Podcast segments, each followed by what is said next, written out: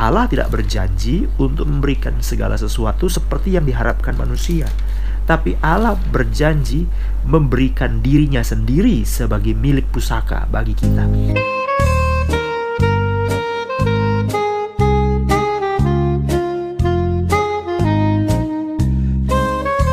Selamat pagi umat-umat Tuhan, kita bersyukur pada akhir pekan ini hari Sabtu tanggal 21 November kita berkumpul kembali dan menikmati hari baru yang Tuhan beri kepada kita.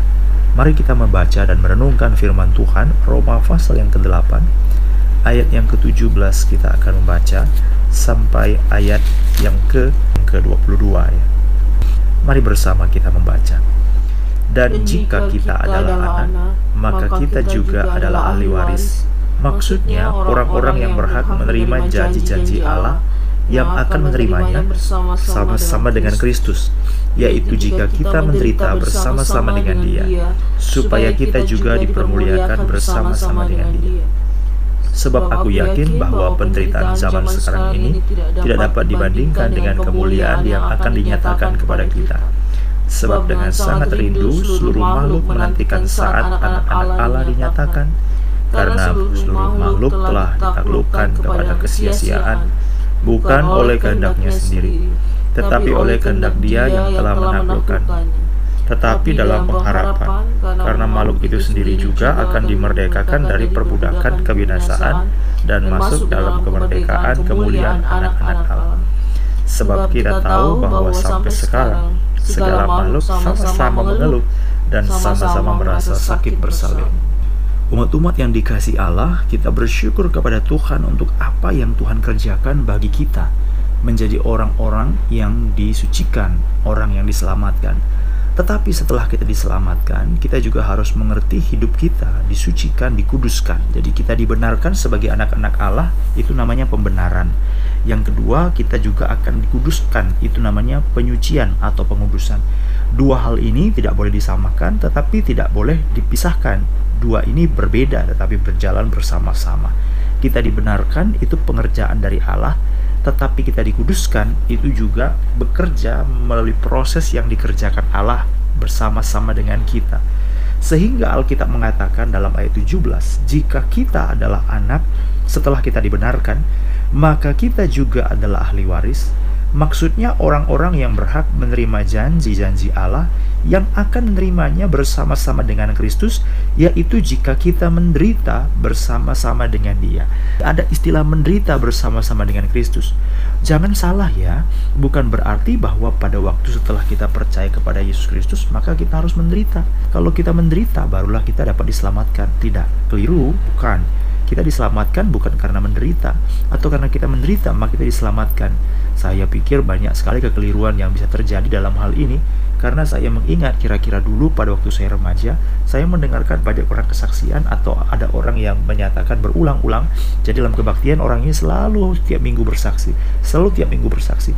Dia berkata, memang makin kita mengikut Tuhan, makin banyak penderitaan yang kita alami. Memang harus menderita rupanya kita supaya kita dapat diselamatkan. Itu kira-kira ya. Jadi itu adalah ungkapan yang keliru ya. Jadi kita ini diselamatkan bukan karena kita menderita atau karena kita menderita maka kita diselamatkan. Kita menderita itu banyak faktor loh. Bisa karena kita salah dalam mengatur sesuatu, kita menderita bisa karena kita kekurangan bijaksana atau kurang ilmu, kurang pendidikan. Ya kenapa dulu waktu orang tua suruh sekolah kita tidak sekolah baik-baik ya? Atau kalau kita salah mengatur rumah tangga sehingga hidup kita menjadi susah, sulit, begitu banyak hal-hal yang kita hadapi. Nah, jadi penderitaan yang kita alami di dunia ini tuh banyak faktor. Tidak boleh disebut sebagai alat untuk keselamatan. Karena keselamatan kita hanya dalam Yesus. Setelah kita disebut sebagai anak, baru singgung istilah mengenai menderita. Jadi bukan karena menderita maka kita menjadi anak.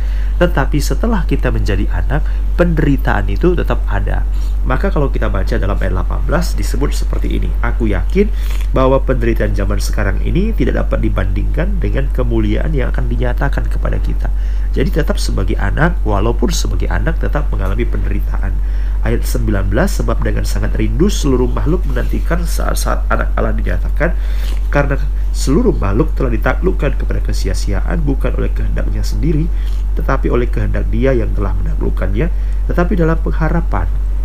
Jadi ini tetap disebut sebagai penderitaan yang membuat kita berharap ayat 21 karena makhluk itu sendiri akan dimerdekakan dari perbudakan kebinasaan dan masuk ke dalam kemerdekaan kemuliaan anak-anak Allah. Jadi ini semua berbicara tentang kesulitan zaman ini. Ada istilahnya penderitaan, ada istilahnya perbudakan kebinasaan. Ayat 22, sebab kita tahu bahwa sampai sekarang segala makhluk sama-sama mengeluh dan sama-sama merasa sakit bersalin. Jadi istilah-istilah ini adalah istilah yang menunjukkan ada penderitaan jadi ada pengeluhan, ada umpama istilah sakit bersalin, ada istilah perbudakan kebinasaan, ada istilah penderitaan. Ini semua adalah istilah-istilah yang dipakai untuk menggambarkan setelah kita menjadi anak, kita tetap mengalami apa yang disebut dengan penderitaan. Yang pertama, dijadikan sebagai anak.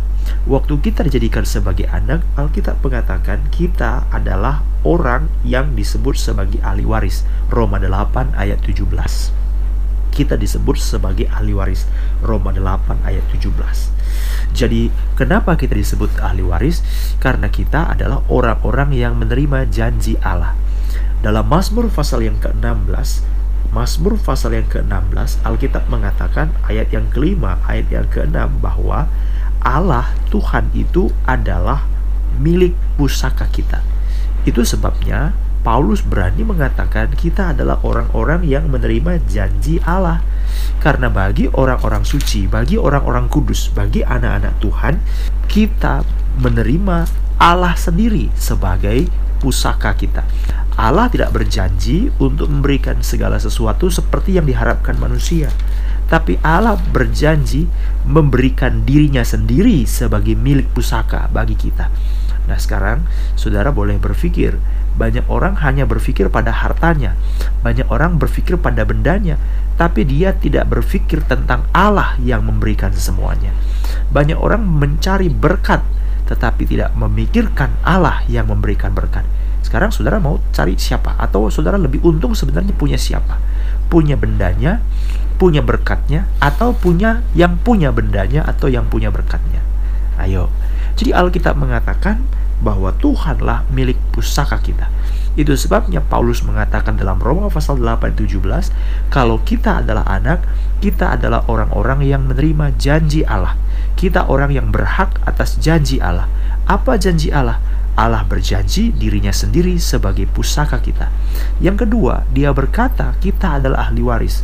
Apa itu ahli waris? Ahli waris adalah orang yang berhak menerima apa yang dimiliki oleh orang tuanya. Itu ahli waris. Semua kita menerima hak waris. Kita semua menjadi ahli waris berhak menerima janji Allah. Semua kita adalah orang yang berhak menerima hak waris dari Tuhan. Kita bersyukur kepada Allah karena apa yang Allah kerjakan kepada kita. Inilah suatu kebahagiaan bagi orang percaya. Apa itu janji Allah? Allah sendiri sebagai milik pusaka. Semua kita, jangan ada yang khawatir, jangan ada yang merasa bahwa saudara kurang beruntung. Semua kita mendapatkannya. Jangan saudara takut nggak kebagian Wah, itu bukan ciri-ciri anak Tuhan. Jadi orang yang takut gak kebagian, orang yang selalu berdoa, mari berdoa untuk meminta pertolongan, meminta berkat, meminta urapan, supaya engkau mendapatkan yang lebih, lebih banyak. Gak perlu yang seperti itu. Itu ajaran-ajaran yang ngawur. Jadi saudara-saudara banyak sekali ada satu yang saya sebut namanya Zon Avanzini. Saya juga pernah membaca bukunya, tapi tidak pernah menyaksikan video atau kebaktiannya. Tapi saya pernah membaca, bukan buku ya, beberapa tulisannya. Ini disebut sebagai Rasul Uang. Jadi teman saya pernah berbicara tentang dia kepada saya. Dia John Avanzini ini, dia akan berbicara tentang uang. Jadi dia akan berkhotbah banyak hal, termasuk topik-topik bagaimana supaya saudara bebas dari hutang.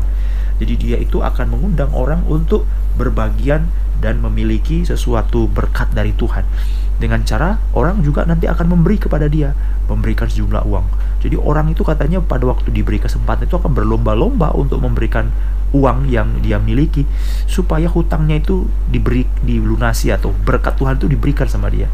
Sangkin orang berjubel-jubel berdesak-desakan untuk mau kasih uang itu, maka sampai uang itu dilemparkan ke mimbar gitu loh supaya uangnya nyampe gitu loh.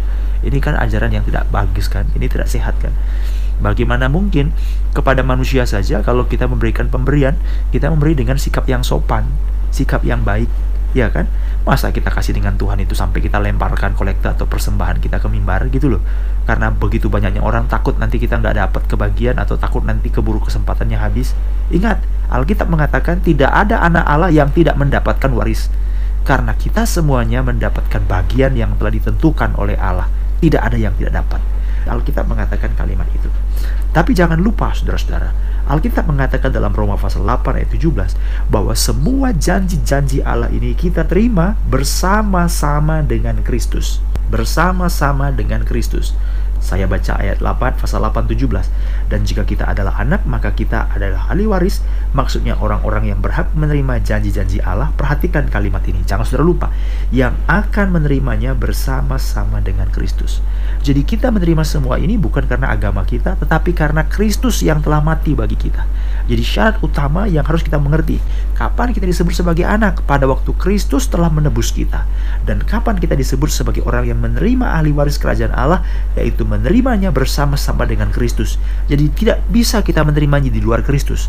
Tidak bisa kita menerimanya lebih dulu daripada Kristus. Kita menerimanya bersama-sama dengan Kristus.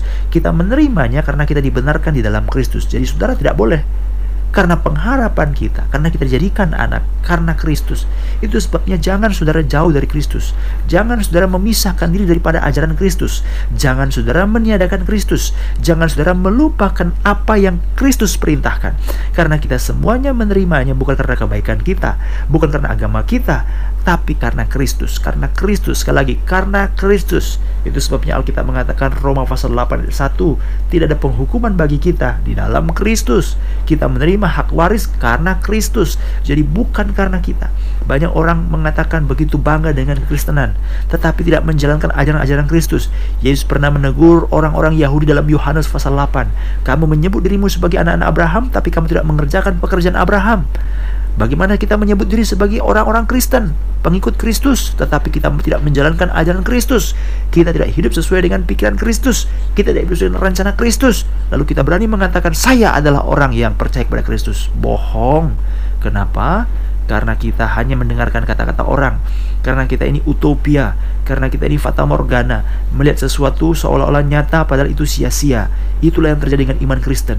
Sekarang ini banyak orang Kristen mengatakan aku sudah percaya kepada Kristus, aku sudah mengalami purapan dari Kristus, tetapi hidupnya jauh sekali dari ajaran Kristus. Seperti yang saya katakan tadi, dari mana ada ajaran Alkitab yang memberikan persembahan itu ada waktu, lewat waktunya nanti Tuhan tidak kasih lagi. Ayo segera buru-buru, cepat-cepat supaya Allah memberkati engkau, membebaskan engkau dari hutang, membebaskan engkau daripada masalah keuangan. Ayo, berikan sekarang apa yang kau pinjam pada Tuhan. Lalu orang berjubel-jubel, maju ke depan, saking berdesak-desakan uangnya dilempar. Apakah itu ajaran Kristus? Tetapi itu dilakukan atas nama Kristus. Hati-hati saudara-saudara. Banyak orang keliru ya jadi tidak semua yang kita lakukan atas nama Kristus itu adalah ajaran Kristus, tidak. Jangan juga saudara nanti apa-apa dalam nama Yesus, dalam nama Yesus. Semua yang sudah lakukan dalam nama Yesus berarti itu ajaran Kristus, tidak. Keliru. Nanti saudara maki-maki orang pun dalam nama Yesus, mukul orang pun aku pukul kau dalam nama Yesus. Wah itu salah itu. Jadi tidak semua yang sebut dalam nama Yesus itu berarti ajaran Kristus. Saudara harus ingat, harus sesuai dengan ajaran Kristus. Karena kita menerimanya karena Kristus kita memperoleh penebusan di dalam Kristus kita ditebus oleh Kristus kita diselamatkan oleh Kristus dan kita menjadi anak karena Kristus dan kita menerimanya bersama-sama dengan Kristus.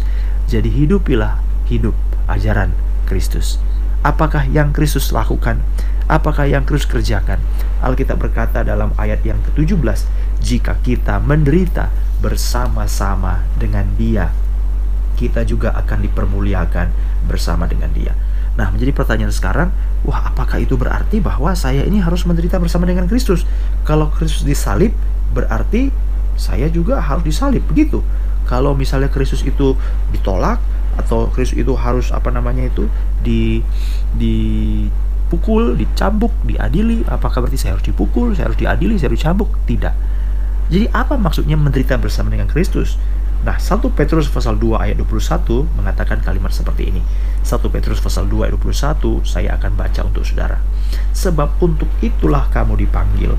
Karena Kristus pun telah menderita untuk kamu dan telah meninggalkan teladan bagimu supaya kamu mengikuti jejaknya. Jadi menderita bagi Kristus itu sebenarnya adalah cara Allah untuk meninggalkan teladan bagi kita sehingga kita mengikuti jejaknya. Jejaknya, jejak Kristus dalam penderitaan dan dalam menghadapi penderitaan. Sebagai contoh, 1 Petrus 2:20. Dapatkah disebut pujian jika kamu menderita pukulan karena kamu berbuat dosa? Nah, berarti inilah contoh yang harus kita pahami apa artinya menderita dengan Kristus, yaitu jangan kita mengalami penderitaan, mengalami pukulan karena dosa karena Kristus tidak mendalangi penderitaan karena dosa. Contoh kedua, ayat 19. Sebab adalah kasih karunia jika seorang karena sadar akan kehendak Allah menanggung penderitaan yang tidak harus ia tanggung. Ya kan? Ayat 20. Tetapi jika berbuat baik dan karena itu kamu harus menderita, maka itu adalah kasih karunia. Jadi contoh yang kedua adalah mengalami penderitaan bukan karena sesuatu kesalahan sendiri, tetapi mengalami penderitaan karena perbuatan baik atau karena kehendak Allah. Jadi ini contoh yang kita sebut apa arti menderita. Menderita bersama dengan Kristus bukan berarti kita disalib. Menderita dengan Kristus bukan berarti kita dicambuk. Tapi menderita dari Kristus salib adalah eh, menderita bersama dengan Kristus adalah kita menderita bukan karena kesalahan dosa kita. Oke. Okay? Kalau kamu dikejar-kejar debt collector karena kamu berhutang, jangan kamu mengatakan aku begitu menderita. Itu karena kamu salah, gitu loh. Karena kamu berhutang, ya. Tapi beda. Nah, contoh yang kedua, kita mengalami penderitaan karena apa? Karena sesuatu perbuatan baik atau karena menjalankan kehendak Allah. Nah, gitu loh. Waktu kita menjalankan kehendak Allah, orang menolak kita. Kita menderita kan. Nah, kita harus rela memikul itu. Gitu loh. Jangan ada orang aku malu miskin, gak mau aku miskin. Gitu loh Kenapa nggak bisa korupsi jadi orang Kristen? Coba aku bisa korupsi, aku kaya aku. Ah, nggak boleh. Jadi itu dia. Yang ketiga, ayat 22. Ia tidak berbuat dosa dan tipu tidak ada dalam mulutnya. 1 Petrus 2, 22, 23. Ketika ia dicaci maki, ia tidak membalas dengan mencaci maki. Ketika ia menderita, ia tidak mengancam, tetapi ia menyerahkannya kepada dia yang menghakimi dengan adil. Ini contoh ketiga, yaitu tidak membalaskan sesuatu yang ditimpakan kepadanya. Walaupun yang ditimpakan kepadanya itu bukan kesalahannya. Gitu. Itu contoh. Jadi apa arti menderita dengan Kristus? Menderita dengan Kristus adalah yang pertama, kita diselamatkan oleh Tuhan dan kita hidup dalam dia dulu. Itu harus kita ngerti. Yang kedua kita menjalankan perintahnya menjalankan Kristus perintah Kristus. Yang ketiga apa arti menderita dengan Kristus? Yaitu pada waktu kita menjalankan perintah Kristus itu maka kita mengalami kesusahan kesu kesusahan. Bukan karena kita bukan karena dosa kita tapi ya udah kita pikul aja deh. Yang kedua, walaupun itu adalah perbuatan baik karena kehendak Allah, tapi aku menderita karenanya. Terima, jangan memberontak. Jangan ngedumel, jangan mengeluh. Inilah ya gara-gara jadi orang Kristen aku. Jadi yang gara-gara anggota jemaat harus kayak gini ku alami. Gak boleh, jangan. Yang ketiga, kalau misalnya aku pun dicaci, aku pun diumpat, aku pun diancam, aku tidak balik mengancam, tidak balik men mengalami umpatan. Betapa indahnya bagaimana kita. Kita mengalami semuanya itu ya, tetapi karena Kristus tidak perlu kita takut. Dia adalah jaminan kita. Mari kita berdoa. Tuhan Yesus terima kasih pada pagi hari ini. Kami bersyukur buat anugerah yang Tuhan beri kepada kami. Mungkin sebagian kami akan berhenti aktivitas karena ini adalah akhir pekan. Tapi sebagian masih harus bekerja. Kami serahkan umat-umatmu ke dalam tanganmu. Mereka membutuhkan anugerahmu. Mereka membutuhkan pertolonganmu. Mereka butuh kesembuhan bagi mereka yang sakit.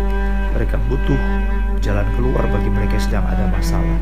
Mereka butuh pekerjaan bagi mereka yang sedang mencari pekerjaan. Mereka butuh kebutuhan sehari-hari bagi mereka yang membutuhkannya. Mereka butuh pegangan dan harapan untuk hari besok bagaimana bagi mereka yang sedang berjalan dalam penuh ketidakpastian. Ajar mata kami tidak melihat pada hal yang materi, tapi terus latih kami dan pimpin kami supaya kami tahu bahwa pusaka kami bukanlah benda, tapi pusaka kami adalah Allah sendiri yang menguasai segala sesuatu. Sebab itu ajarlah kami. Kami harus ingat bahwa kami mengalaminya karena kami adalah anak-anak Allah. Karena kami bersama Kristus. Ajar kami untuk mengerti apa artinya meneladani Kristus dalam segala sesuatu. Tuhan tolonglah umat-umatmu. Jangan sampai biarkan mereka binasa. Panggil mereka dalam kasih Tuhan.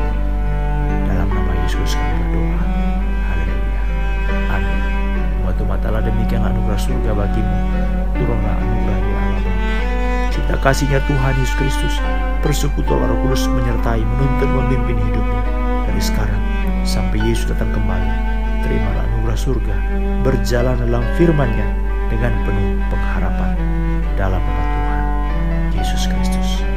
Haleluya. Amin. Selamat pagi bagi saudara. Terpuji